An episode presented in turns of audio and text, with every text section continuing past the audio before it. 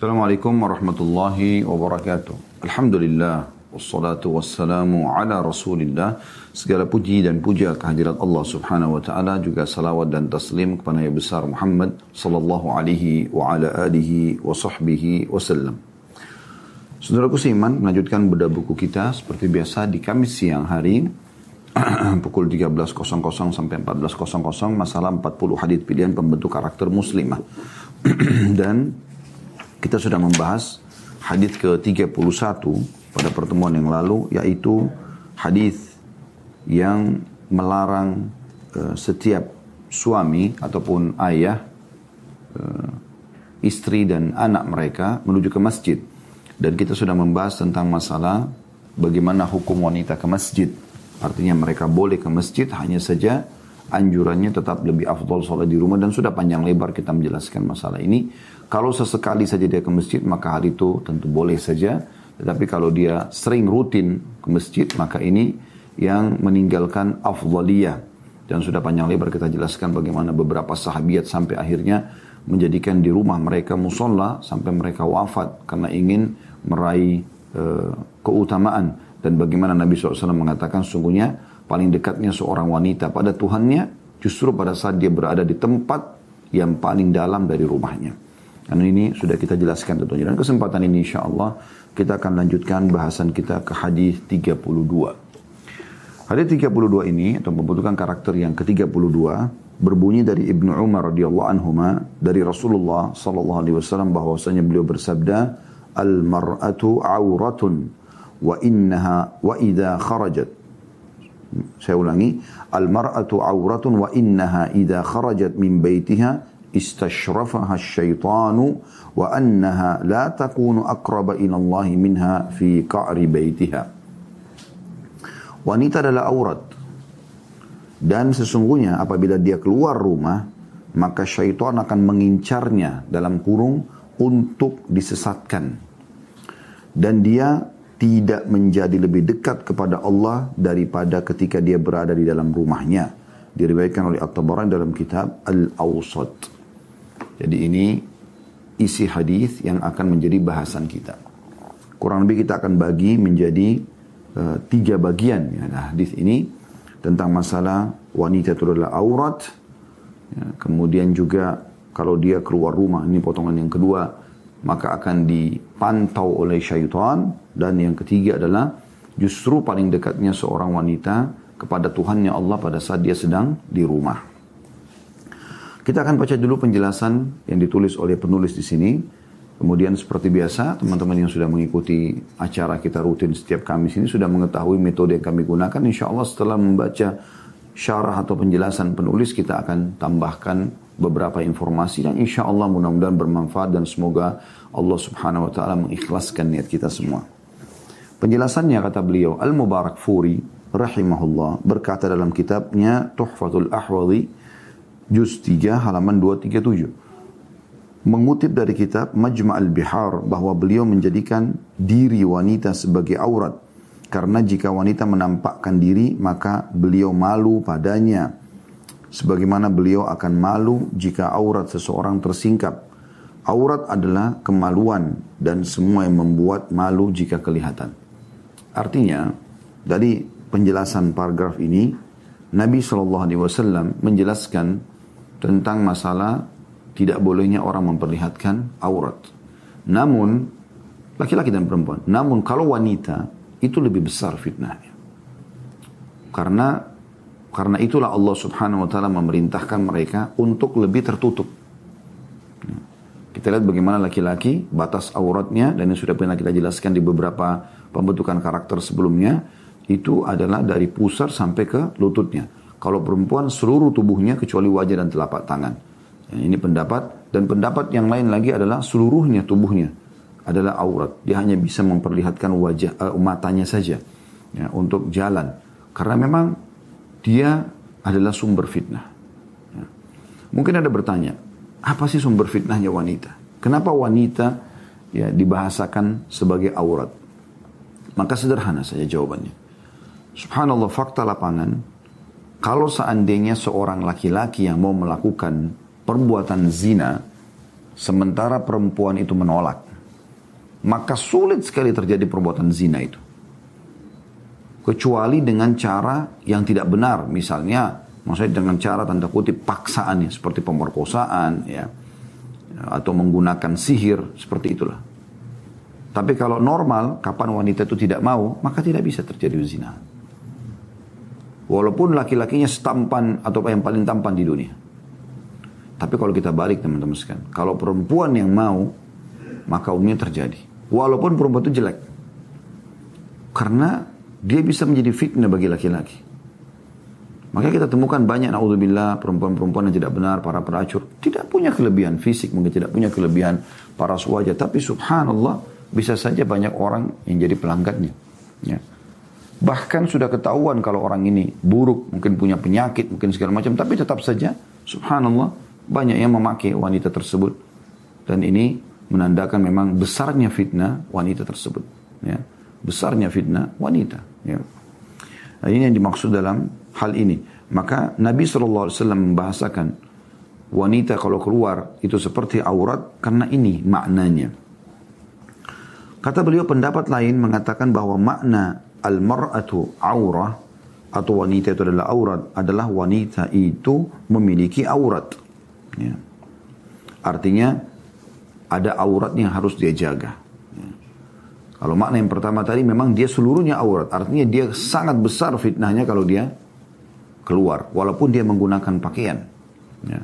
Makanya dalam Islam pakaian wanita betul-betul ditutup luar biasa. Longgar, menjauhi yang sudah kita jelaskan juga beberapa hadis yang lalu tentang masalah uh, penghuni neraka wanita yang uh, kasiatun ariyat. Mereka menggunakan pakaian tapi seperti orang telanjang gitu kan? Ya.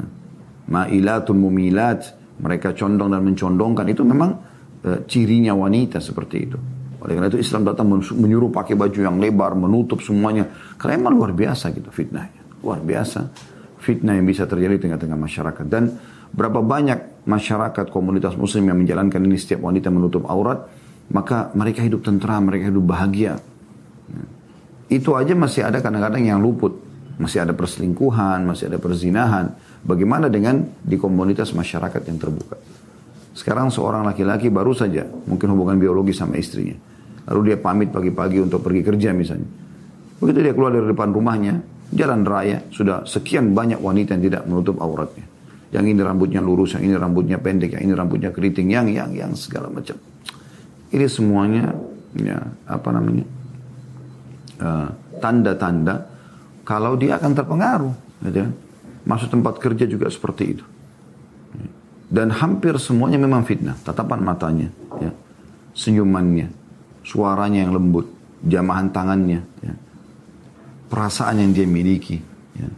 Mudah tersentuh, mudah digoda, suka dirayu. Ini semua luar biasa gitu. Makanya Islam datang dan ini adalah syariat Allah subhanahu wa ta'ala yang lebih mengetahui tentang ciptaannya. Mengontrol bagaimana agar tatanan masyarakat berjalan dengan baik. Tentu orang-orang yang tidak suka dengan Islam akan mengatakan ini adalah kolot, ini adalah uh, aliran garis keras dan segala macam hal. Karena memang mereka tidak mau tidak mau Islam ini tersebar dengan baik. Mereka tidak mau itu. Mereka mau tentunya berjalan seperti apa yang mereka inginkan hawa nafsu. Setiap wanita bisa menjadi target sasaran mata mereka, ya, lisan mereka, kemaluan mereka. Tapi Islam datang menjaga komunitas masyarakat Islam, ya, terutama dimulai dari wanitanya, agar jangan sampai menjadi masalah di tengah-tengah masyarakat. Kemudian kata beliau, ucapan Nabi SAW, فَإِذَا خَرَجَتْ إِشْتَشْرَفَهَا الشَّيْطَانِ Jika dia keluar maka syaitan akan mengincarnya dalam kurung untuk menyesat, untuk disesatkan. Maknanya kata beliau, syaitan akan memperindah penampilan wanita dalam pandangan lelaki. Bayangkan, ini perkataan ulama ini. Jadi yang paling pertama, begitu dia keluar, pasti dia mau selalu tampil cantik, segar, wangi, dan segala macam hampir seluruh sisinya dari rambutnya, dari tatapan matanya, dari apalah kulitnya yang selalu dirawat, dari suaranya, semuanya, dari langkah-langkahnya, langkah kakinya yang yang condong dan mencondongkan sebagaimana dalam hadis ya, eh, dan seterusnya. Semua ini luar biasa. Makanya para pelacur kan menjual kewanitaannya itu. Wanginya, seksinya, suaranya, godaannya, segala macam rayuannya begitu. Jadi maknanya dari sabda Nabi SAW, faida kharajat istashrafaha syaitan, kalau dia keluar, maka syaitan akan memperindah penampilan wanita dalam pandangan laki-laki. Ya. Makanya banyak laki-laki subhanallah, uh, kalau dia bergaul bukan pada sama istrinya, di awal saja mungkin dia melihat kelebihan wanita yang sedang uh, diajak untuk bermaksiat itu. Tapi setelah berjalan waktu, maka dia akan temukan banyak hal-hal negatif dari wanita tersebut. Ya, dan itu memang terjadi. Itu memang terjadi gitu. Ada bahkan orang subhanallah dia menikah dengan seorang wanita pelacur wa naudzubillah dan dia meninggalkan istrinya yang salihah ya, di rumah sana. Dan ini aneh ini. Dia meninggalkan istrinya yang salihah demi untuk seorang wanita yang sudah bolak-balik dipakai oleh laki-laki lain. Mungkin wanita yang di rumah itu setia sama dia, ahli ibadah. Tapi dia tergoda dengan syaitan manusia dan syaitan jin, akhirnya dia terjerumus. Dan subhanallah uniknya, dia mungkin menikah sama wanita tersebut. Ya. Setelah dia menikah sama wanita tersebut, baru dia tahu, oh ternyata istri saya dulu lebih baik, lebih soleh. Perempuan ini selingkuh sama laki-laki lain dan segala macam hal. Sementara tadinya Allah sudah memberikan dia nikmat wanita saleh yang selalu menjaga ya, hubungan dengan Allah Subhanahu wa taala. Ya. Kemudian ada juga yang mengatakan kata beliau, maknanya syaitan mengincarnya untuk menyesatkannya dan menyesatkan orang lain melalui wanita tersebut. Makna asal dari kata istashrafa dalam hadis adalah membelak membelalakkan mata untuk melihat sesuatu sambil membentangkan telapak tangan di atas alis mata agar dapat melihat dengan jelas. Jadi kalau ada orang mau lihat sesuatu dari jauh, yang jauh jaraknya, biasanya kan orang lebih bolakkan matanya, belalakkan matanya, lalu kemudian dia taruh telapak tangan di atas matanya. Supaya dia bisa lihat. Nah, syaitan menggunakan itu. Bayangkan. Bahasa hadis ini pekah sekali. Artinya, siapa saja perempuan, mau muda, mau tua, begitu dia keluar, syaitan langsung melihat dia. Pantau. Ini siapa kira-kira yang bisa sesat Minimal orang melihatnya dengan dengan pandangan yang haram. Artinya bahwa keluar dan tampaknya wanita dari rumah adalah kurang baik. Karena jika ia keluar dari rumahnya, maka syaitan akan memusatkan pandangannya dan mengincar wanita itu untuk menyesatkannya dan menyesatkan orang lain dengan menggunakan dirinya. untuk menjerumuskan keduanya, si laki-laki dan perempuan, atau salah satunya pada keburukan yang besar atau yang dimaksud dengan kata tanda kutip syaitan dalam hadis di atas adalah syaitan dari jenis manusia fasik dinamai demikian karena adanya keserupaan dari segi perilakunya. Jadi di sini bisa bermakna syaitan yang sebenarnya dari jin yang selalu memantau dia sehingga membisikkan dan menyesatkan ini makna yang paling zahir dari hadis atau kata beliau bisa juga bermakna syaitan dari manusia. Artinya setiap kali ada perempuan yang tampil keluar dan ada sedikit aja kelebihan dia, maka langsung syaitan-syaitan manusia ya, berusaha untuk menjadikannya sebagai mangsa, baik buat dirinya atau diperjualbelikan sebagaimana sudah kita tahu. Ya. Jadi ini bisa terjadi. Hmm. Tentu kalau Anda mengatakan, kalau begitu, apakah kami tidak boleh keluar dari rumah? Bukan tidak boleh. Boleh keluar dari rumah. Siapa yang bilang tidak boleh keluar dari rumah? para ummahatil mu'minin ridwanullah alaihinna, para sahabat, sahabiat Nabi ridwanullah alaihin, mereka keluar. Mereka pergi ke pasar, ya. Mereka keluar tapi pada hajat-hajat yang darurat. Bukan setiap hari ada jadwal keluar rumah, bukan. Karena kalau setiap hari jadwal dia dalam keluar rumah, maka tentu fitnahnya akan jauh lebih besar. Fitnahnya akan jauh lebih besar, gitu kan? Dan ini harus jelas ini. Hmm. Ada orang subhanallah dari kayaknya tidak betah di rumahnya. Dia malah ya, berusaha untuk keluar dari rumahnya dengan cara apa pun. dengan cara apa pun. Dan ini penting untuk digarisbawahi teman-teman sekalian. Sehingga akhirnya dia buang-buang waktu di luar. Harus ke mana nih hari ini? Harus ke mana besok? Dan kadang-kadang karena tidak adanya kegiatan yang dia tinggalkan rumahnya merupakan tanggung jawab dia, tinggalkan orang tua kalau dia belum menikah, tinggalkan uh, suaminya, tinggalkan anaknya. Ya. Nah, yang paling sering kadang-kadang anak-anak ya ditinggal dengan alasan wanita karir dengan segala macam urusan dunianya sehingga anak-anak diurus hanya sama baby sisternya atau sama pembantu-pembantunya yang tentu akan terdidik seperti akhlaknya pembantu tersebut. Bagaimana dia bisa berharap bisa terbentuk sebagai anak yang soleh dan soleh sementara yang bina mereka sendiri juga orang awam yang bekerja sebagai pembantu rumah tangga misalnya. Atau dibiarkan bersama dengan supir yang juga tidak jelas atau atau ya bahkan banyak sekali terjadi kemaksiatan dalam rumah antara seorang pembantu dengan anak laki-laki majikannya atau antara seorang anak perempuan dengan supir majikannya uh, karena dia pikir mengisi waktu dan seterusnya ini semua karena kesibukan orang tua, terutama wanita yang terus keluar. Padahal memang Allah menjadikan dia hamil, bukan suaminya. Dia punya kasih sayang, dia menyusui. Dan hampir 24 jam dari awal bayi itu lahir akan terus bersama dia sampai anak itu besar. Ya. Ini menandakan teman-teman sekalian, dia berarti Allah perlihatkan wajahnya bayi itu. Ini loh amanahku. Kita kan hanya status, saya sama istri, Anda sama suami. Ya. Sama. Hanya status. Saya juga bilang sama istri saya, kita cuma status. Saya memiliki sperma yang Allah titipkan, tuangkan di rahim, kamu punya sel telur dan kantongnya, akhirnya lahirlah anak tersebut, kita tidak punya andil satu lembar rambutnya pun. Ini amanah dari Allah SWT. Jadi setiap ibu yang menyusui bayinya, dia harus tahu Allah perlihatkan wajah anak itu setiap hari. Dengan suka dukanya, kadang-kadang tangisannya, kadang-kadang juga dia lucu dengan tertawa, dengan tersenyum, kita terhibur dengan jalannya dan seterusnya lah. Ya. Maka itu supaya dia tahu ini amanah loh ini. Ini yang paling banyak waktu aku bersamanya. Dan pasti teman-teman sekalian, setiap wanita yang sibuk terus-menerus dalam mengurus anaknya, maka dipastikan dia akan, ya, saya di rumah ya di sini, dipastikan anak-anak itu juga akan tumbuh besar berbakti. Dan ini sudah kami saksikan sendiri. Ya. Dari keluarga kami, dari istri kami, Masya Allah yang sibuk mengurus anak di rumah keluar pada saat darurat saja, luar biasa. Anak-anak itu patuh pada ibunya, menjadi anak-anak yang baik, anak-anak rumahan juga ya. Itu luar biasa. Dan subhanallah fitrah laki-laki, ya, kecuali orang yang keluar dari fitrahnya, dari sesuatu yang memang ada dasar Allah bebankan pada dirinya, itu suka dengan wanita di rumah. Setinggi apa pun titelnya wanita itu, harapan suaminya pada saat dia pulang istrinya sudah di rumah, sudah dandan, sudah masak, temani dia makan, temani dia biologis. Memang sudah begitu fitrahnya.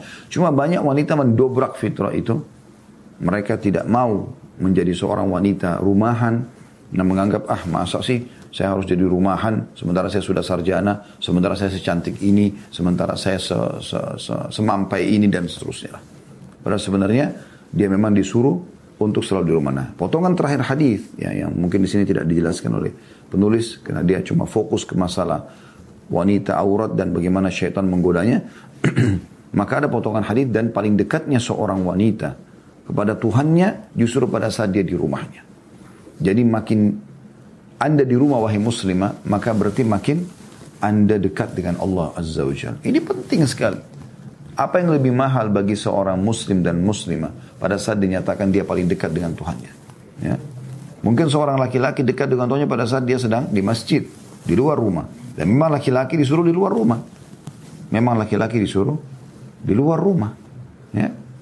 Seperti misalnya sholat berjamaah, ya, e, berjihad, mencari nafkah, ngantar jenazah, kan semua tugas laki-laki. Kalau perempuan tidak memang di rumah, gitu kan? Memang di rumah. Maka memang Allah sudah ciptakan seperti itu. Sering saya bahasakan, kami laki-laki tidak butuh, tidak butuh sebenarnya hand body, tidak butuh uh, apa namanya sunblock, tidak butuh sebut karena memang Allah ciptakan kulit ini memang untuk menghadapi semua itu. Wanita keluar sedikit, maka panas sedikit sudah berpengaruh. Ada yang iritasi, ada yang segala macam. Begitu juga dengan uh, apa namanya uh, dengan Eh, hal-hal yang lain lah ya, hal-hal yang lain. Mungkin karena panas akhirnya rambut rontok karena ini dan segala macam masalah yang terjadi semua itu sebenarnya secara fitrah membawa dia kepada lebih baik kau di rumah ya, seperti itulah jadi kalau tidak darurat wahai saudariku jangan keluar dari rumah baik kita akan tambahkan informasi teman-teman pada kesempatan ini dengan masalah bahasa wanita itu aurat atau bisa saja menjadi sumber fitnah Nah ini mungkin yang coba kita akan uh, tambahkan informasinya pada kesempatan ini selain daripada apa yang sudah dipaparkan tadi tentunya. Baik teman-teman sekalian. Yang pertama sekali, yang perlu digarisbawahi dulu. Kita bicara tentang wanita dan kepribadian wanita. Wanita Allah subhanahu wa ta'ala ciptakan, fitrahnya memang di rumah. Itu penting dulu. Ini selalu jadikan sebagai judul hidup Anda. Sehingga jangan keluar kecuali darurat. Ini inti daripada bahasan kita sebenarnya. Gitu kan? Nah cuman memang kita akan bahas dulu sebelum panjang lebar tentang masalah fitnah di luar rumah yang terjadi, apa yang dibahas dalam hadis. Saya juga ingin menyinggung di sini tentang masalah hati-hati wanita yang di rumah pun tetap tidak lepas dari godaan syaitan. Ya. Tetap tidak lepas dari godaan syaitan. Dan ini terjadi. Harus hati-hati sekali. Wahai muslimah yang sudah coba menerapkan hadis Nabi SAW lebih suka di rumah, wanita rumahan, tetap harus hati-hati. Jangan telat sholat lima waktunya. Jangan durhaka pada orang tua. Jangan durhaka pada suami. Ya, kalau sudah menikah. Jangan bengkalaikan tugas-tugas di rumah walaupun sudah di rumah. Karena ada juga wanita di rumah tapi dia malas-malesan. Dia nggak mau urus anaknya. Gendong anaknya dia nggak pernah sama sekali. Mungkin mencium anaknya pun jarang. Sibuk dengan handphone terus. Gitu kan. Sehingga anak datang, sudahlah nak, sana sama mbak, sana sama mbak. Selalu ke, diadikan kepada pembantu. Lalu apa yang ditanamkan di benaknya anak ini? Tertanam apa? Dia mengatakan, oh berarti saya memang harus hidup sama mbak. Maka semua sikapnya pembantu rumah tangganya itu yang diciplak oleh si anak tadi. Harus yang bertakwa kepada Allah SWT. Dia harus menjadikan anak ini seperti dia. Saya melihat setiap muslimah yang sukses dalam mendidik anaknya, terutama anak perempuan kita bicara ya. Itu adalah pada saat dia pakai baju apa, anak gadis di sebelahnya pakai baju yang sama. Minta seperti ibunya. Ibunya duduk seperti apa, dia contohi seperti itu. Dia ikutin. Sayangnya, poin ini jarang sekali terjadi pada wanita-wanita soleh. Kita temukan ibunya soleh, anaknya tidak. Tapi kita temukan ini banyak terjadi pada wanita fasikah. Wanita yang buruk, yang jauh dari agama. Terjadi pada mereka itu. Pada saat mereka mau mendidik anak-anaknya menjadi seperti dia, yang untuk jadi pelacur, jadi penyanyi, jadi segala macam. Maka dia berhasil. Karena dia selalu motivasi anaknya, dia contohkan, dia ajak sama-sama nyanyi, sama-sama bertemu laki-laki, sama-sama, kalau perlu sama-sama, gonta-ganti laki-laki. Wa na'udzubillah. Ya. Kenapa tidak terjadi pada muslimah, mukminah yang harusnya dia menjadikan anaknya sebagai aset amal jariah? Itu juga penting teman-teman sekalian. Kalau Anda belum menikah, jangan pernah langkahi kedua orang tua. Kesempatan di rumah, layani semuanya. Makannya, minumnya orang tua, bantu ibu masak di dapur, bantu bersihin rumah. Ya, eh, pada saat ayah datang duduk ngobrol, bertanya hal-hal yang perlu ditanya dari pengalaman-pengalaman hidup, dari cerita-cerita yang baik. Apalagi kalau ayahnya faham agama, mungkin bisa belajar agama dengan ayahnya Kemudian juga membatasi pergaulan-pergaulan. Karena dalam rumah juga ada orang, karena sekarang medsos sangat luar biasa. Mereka tidak mengontrol itu. Mereka tidak mengontrol pergaulan. Sehingga akhirnya di rumah tapi tetap rusak. Ya. Bahkan kadang-kadang lebih rusak daripada di luar rumah. Karena dia di luar rumah, sekali keluar langsung buat masalah besar gitu. Karena terpengaruh dengan medsos yang bisa merusak pribadi dia. Hanya kenalan sama lawan jenis, janjian di luar sekali langsung terjadi perzinahan. Wana'udzubillah dan hamil di luar nikah dan seterusnya. Kadang-kadang kalau dia punya suami dan ini perlu digarisbawahi, maka dia wajib untuk selalu berbakti juga dengan suaminya. Sebagaimana dia berbakti pada kedua orang tuanya sebelum menikah, maka setelah menikah itu. Dan hati-hati wahai muslimah. Suamimu adalah surga atau neraka. Ini sabda Nabi SAW kepada bibinya Imran bin Husain radhiyallahu anhu ajma'in. Dia datang kepada Aisyah radhiyallahu anha kemudian dia cerita tentang keburukan suaminya. Kebetulan Nabi SAW lewat lalu Nabi SAW mengingatkan hati-hati. Dari tadi Nabi dengarin dia cerita tentang keburukan suaminya. Ya. Suamimu adalah surgamu atau nerakamu. Hati-hati sekali. Tidak boleh salah di sini. Salah sedikit yang dia masalah besar. Saya kasih contoh-contoh kecil teman-teman. Wahai muslimah. Wahai istri. Wahai istri. Dengarkan baik-baik ini. Banyak sekali istri. Subhanallah. Masuk dalam hadis Nabi SAW. Yang Nabi SAW mengatakan aku diperlihatkan neraka. Ini beliau bicara di depan se hampir seluruh sahabiat Nabi di Madinah hadir. Seluruh wanita pada saat itu hadir, hampir seluruhnya hadir. Nabi SAW mengatakan, aku diperlihatkan penghuni neraka paling banyak dari kalian. Maka seorang sahabiat yang beriman mengatakan, Ya Rasulullah, kenapa kami? Ada apa dengan kami gitu? Kenapa kami? Kata Nabi SAW, karena kalian kufur. Ada sesuatu, ada beberapa riwayat disebutkan, apakah kami kufur kepada Allah? Kata Nabi SAW, bukan. Tapi kufur terhadap kebaikan suami. Ini selalu saya ingatkan teman-teman, karena banyak muslimah masuk ke neraka, kena siksaan api, siksaan kubur, justru karena suaminya. Dan sebaliknya, kalau dia baik dengan suaminya, santun, ramah, dia bersabar, sehingga dia pada saat meninggal suaminya ridho, merasa kehilangan, dijamin surga. Bayangkan itu. Banyak hadis kata Nabi SAW. Wanita mana pun yang menjaga lima waktu sholatnya, berpuasa Ramadannya, melayani dengan baik suaminya, kecuali pada saat meninggal masuk dari delapan pintu surga dia boleh pilih yang mana dia mau masuk. Ini luar biasa ini. Tiga resep kata kuncinya. Ya. Sholat lima waktu, tidak disebutin sholat sunnahnya. Puasa Ramadan, tidak disebutin puasa sunnahnya. Melayani suami. Satu orang itu. Ibu cuma punya satu suami. Gak boleh poliandri kan. Beda laki-laki bisa poligami. Tidak boleh poligami. Satu suami. Layani dia dengan baik. Kejar surga Allah dari satu orang ini. Gak usah lagi lihat fisiknya. Dan hati-hati jangan banyak tontonan-tontonan yang membuat nanti anda durhaka pada suami. Tidak boleh. Tinggalkan sudah. Tutup mata anda kecuali dari suami anda. Sehingga suami itu selalu tampan. Selalu laki-laki yang terbaik di mata anda. Yang membuat orang tidak mau berterima kasih kepada Allah SWT ini. Justru karena banyak lihat laki-laki tampan oh ini bule, oh ini, oh ini, oh ini, oh ini, dan segala macam artis ini, artis. dan tentu beda sama suaminya, gitu kan? Kecuali yang Allah berikan memang suami yang masya Allah super ganteng, tapi kan banyak kan tidak. Maka dia tidak tidak mau lagi melayani suaminya, merasa wah suami saya ini terlalu gemuk, pendek lah, uh, kepalanya botak lah, kulitnya hitam lah. Karena apa? Karena matanya selalu liar. Ciri bidadari surga tidak liar matanya. Fokus kepada suaminya saja itu ciri mereka. Dan harusnya Anda menjadi seperti para bidadari di surga. Kayak ini penting kan gitu.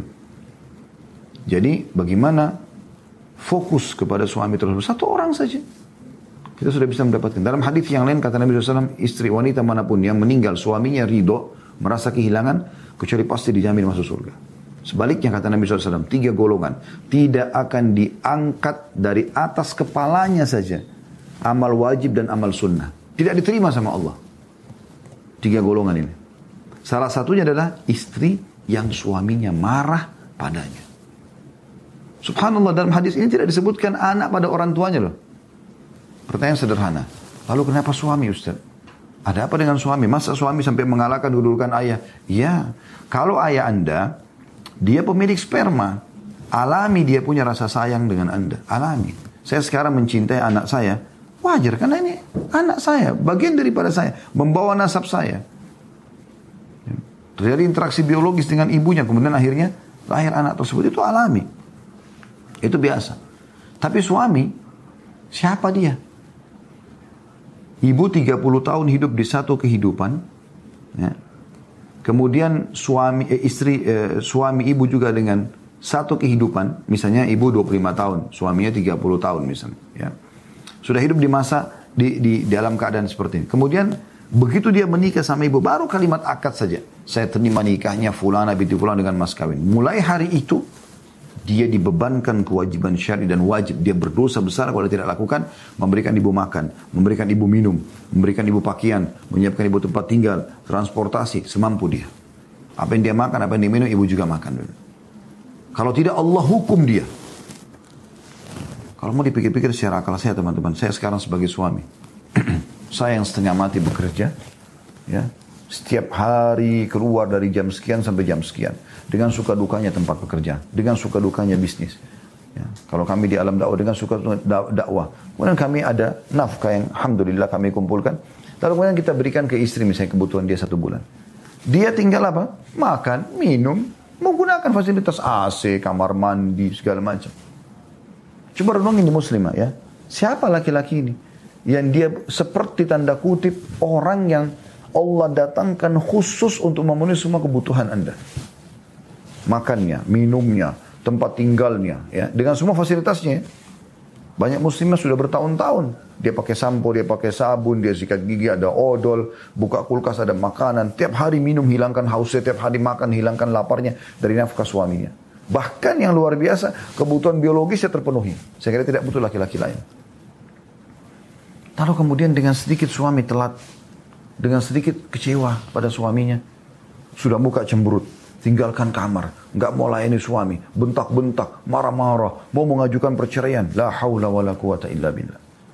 Bagaimana Nabi SAW mengatakan istri mana pun yang minta cerai dari suaminya tanpa udur syar'i haram baginya wanginya surga.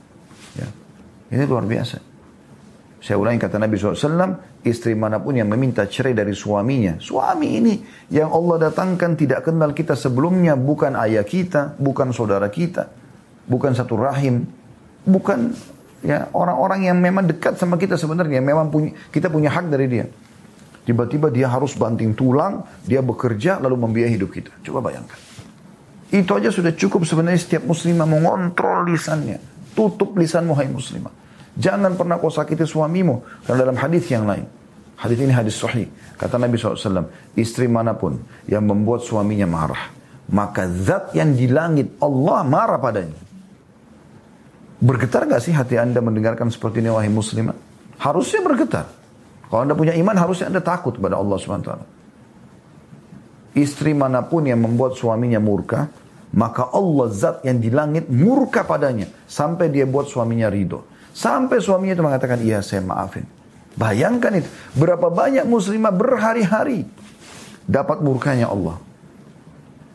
Istri mana pun yang meninggalkan ranjang suaminya.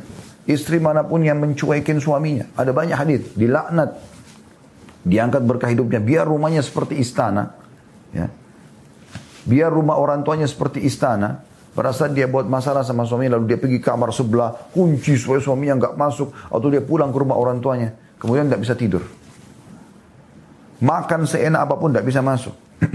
Itu pasti terjadi. Kenapa dilaknat? Dilaknat. Maka hati-hati, ya hati-hati. Kata Nabi SAW, wanita ahli surga, wanita yang kalau kau lihat padanya kau akan senang. Kalau kau perintahkan dia akan patuh. Dan kalau kau tidak ada dia akan menjaga kehormatannya. Dia tidak akan selingkuh. Jadi di rumah pun hati-hati dari fitnah syaitan. Banyak muslimah tidak sadar terjerumus dalam ya godaan-godaan syaitan sehingga menjadi masalah buat suaminya. Dan istri-istri yang seperti ini teman-teman sekalian yang tentunya ya, disinggung oleh Allah Subhanahu wa taala dalam Al-Qur'an ya dalam surah At-Taghabun. Bisa dibuka surah At-Taghabun surah nomor 64 ayat 14 sampai ayat 15. Ayat 14 sampai ayat 15 ya. A'udzu billahi minasyaitonir rajim.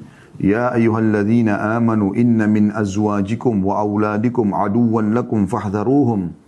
Wa in ta'fu wa wa takfiru fa inna Allah ghafurur rahim.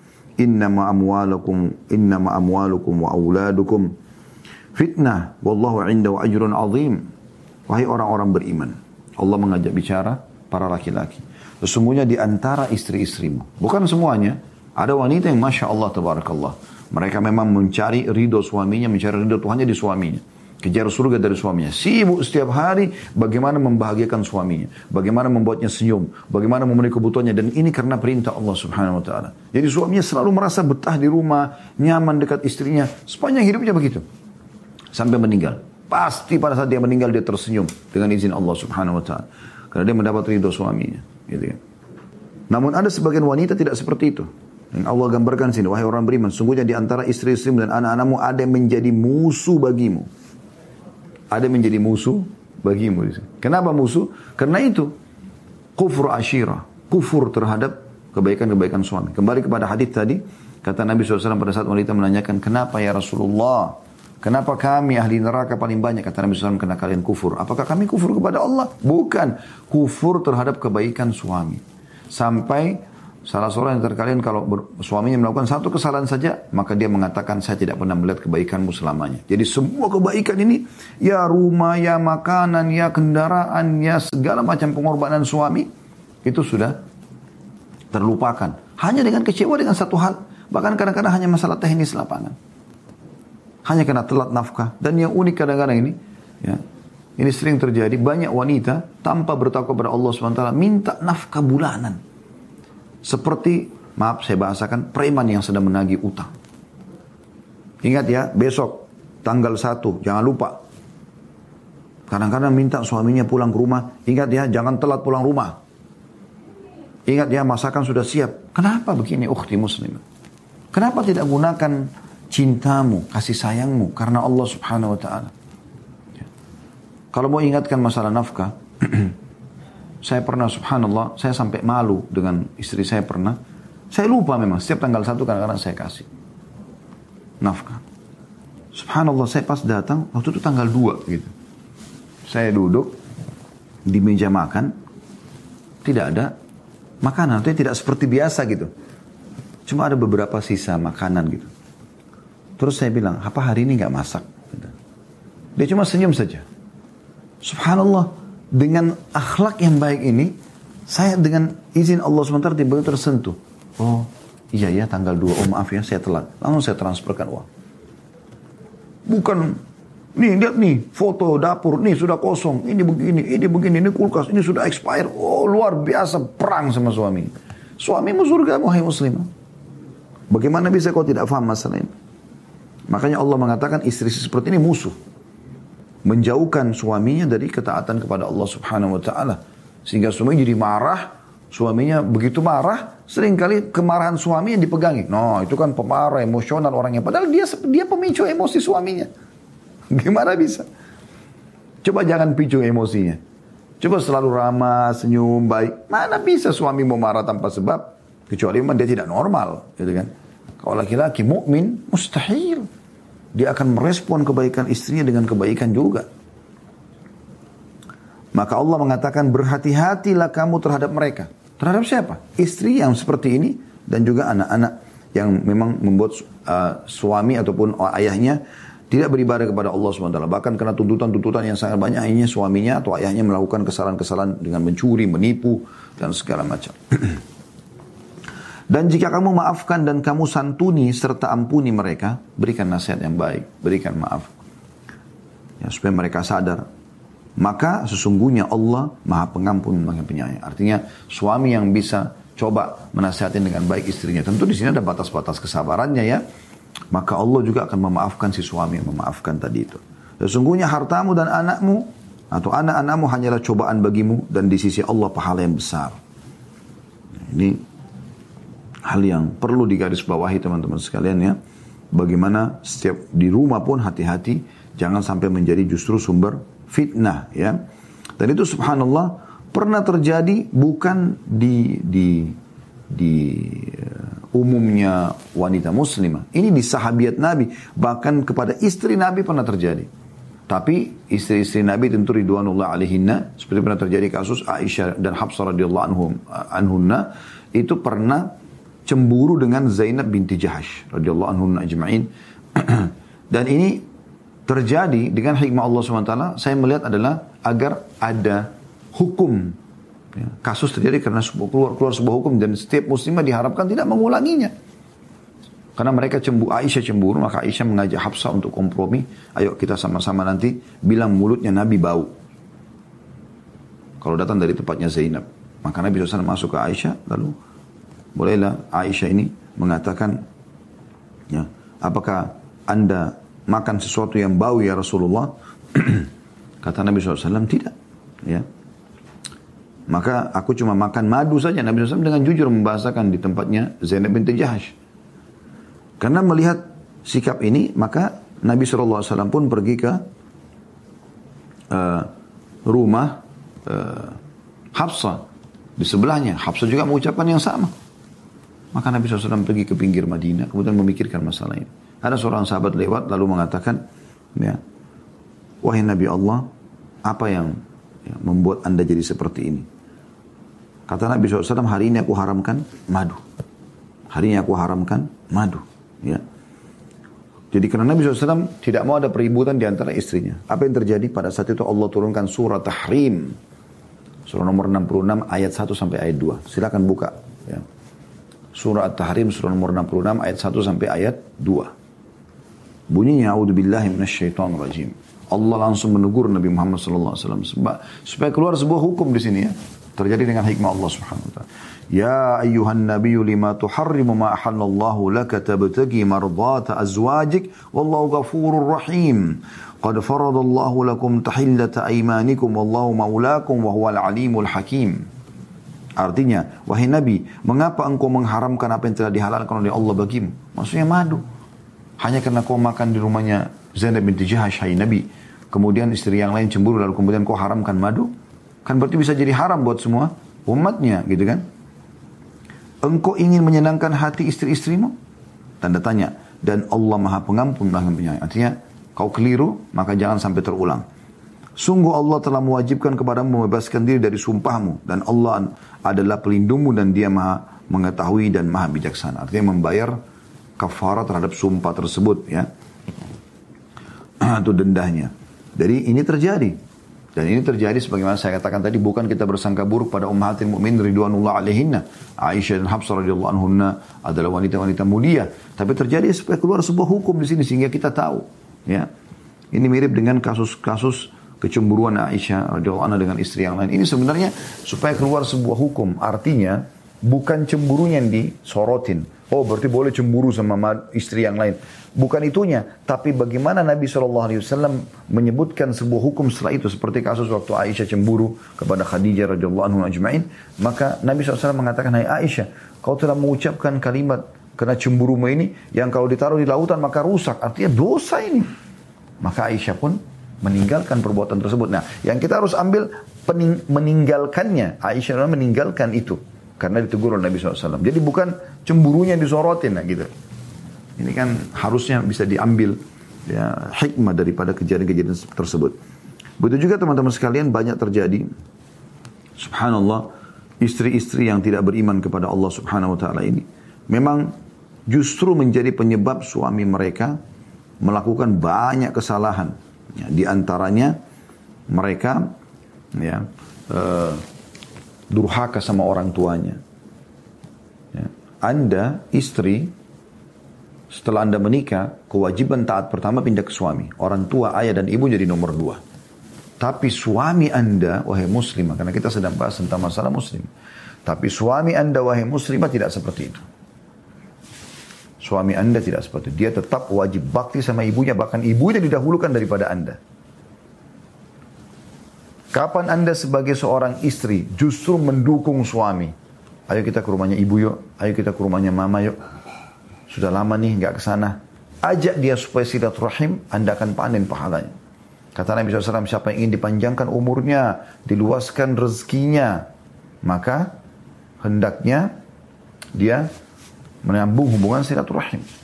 Menyambung hubungan silaturahim. Ya. Ini penting untuk di garis bawahi, gitu kan?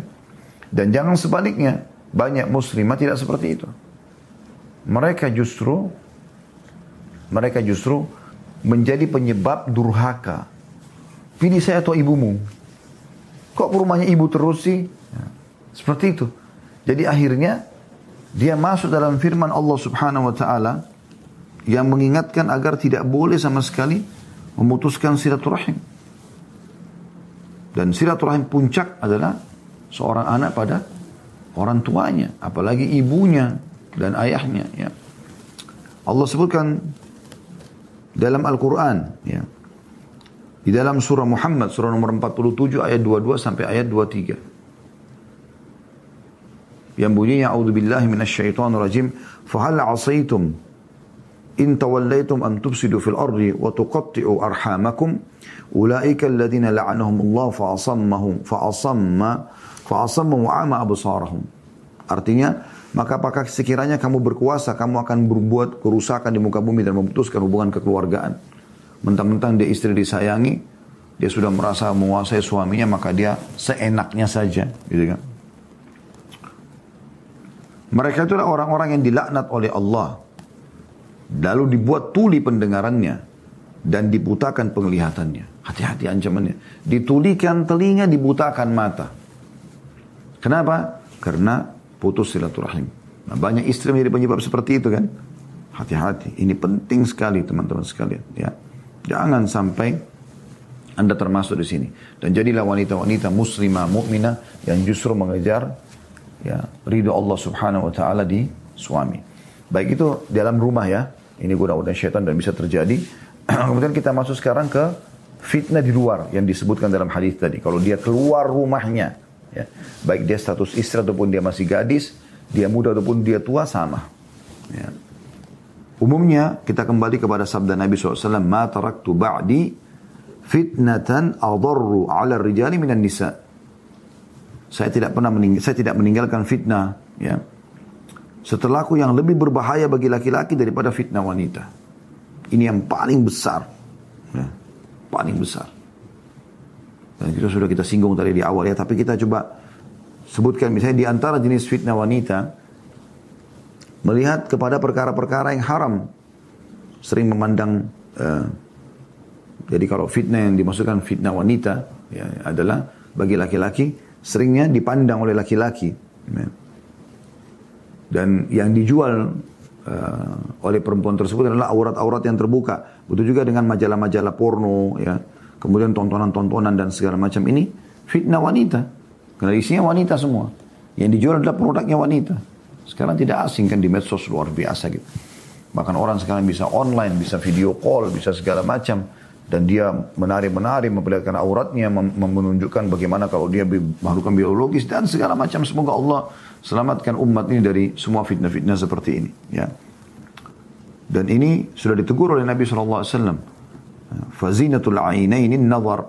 Dan ketahuilah mata juga bisa berzina dengan melihat sesuatu yang haram. Dan ini termasuk fitnah wanita. Wanita yang dijual. Ya. Sementara Allah subhanahu wa ta'ala mengingatkan dalam surah An-Nur, surah nomor 24 ayat 30, A'udhu billahi minasyaitan rajim, Kul lil mu'minina yaguddu min absarin wa yahfadu furujahum, Dzalika azka lahum, inna Allah khabirun bima yasna'un. Katakanlah kepada laki-laki yang beriman agar mereka menjaga pandangannya dan memelihara kemaluannya. Yang demikian itu lebih suci bagi mereka. Sungguh Allah maha mengetahui apa yang mereka perbuat. Artinya fitnah wanita di luar rumah adalah penyebab yang banyak menjerumuskan laki-laki pada kesalahan. Oleh karena itu, dia tidak boleh keluar rumah sembarangan apalagi terbuka uratnya. Dan bagi laki-laki juga, kalaupun dia menghadapi wanita seperti ini, dia harus turunkan pandangannya. Kemudian juga termasuk yang menjadi ya, umumnya ya fitnah-fitnah kalau di luar rumah selain pandangan mata gitu kan juga uh, ikhtilat atau bercampur baurnya laki-laki sama perempuan. Ini ini umum bisa terjadi kalau di tempat umumnya karena kita pasti dua lalang dan segala macam. Ya, tapi ikhtilat ini membuat kalau banyak sekali terjadi akan sangat mudah terjadi pelanggaran-pelanggaran atau pelecehan gitu kan. Tidak asing kadang-kadang ada wanita lagi antri, kemudian sengaja di uh, apa namanya dilecehkan atau di kereta api, di bus, di kendaraan umum gitu kan.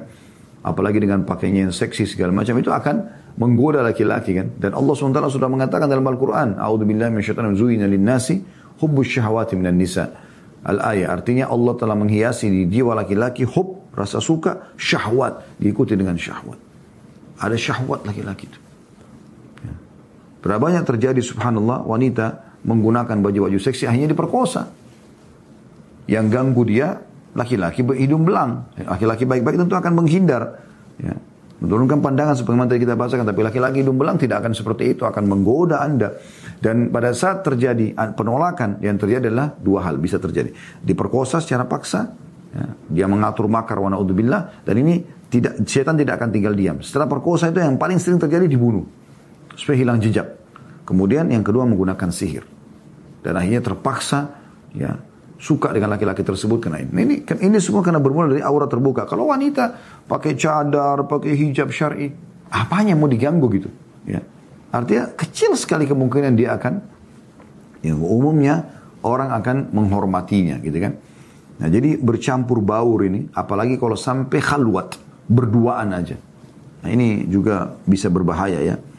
Kemudian juga uh, seringnya uh, melakukan banyak hal lah yang akhirnya membuat terjadi terbuka dan menjadi fitnah gitu. Kemudian lebih jauh daripada itu adalah bersentuhan. Ya. Apakah salaman, apakah pelukan, apakah ciuman, ya, itu bisa terjadi juga ya. Itu juga menjadi fitnah dari wanita.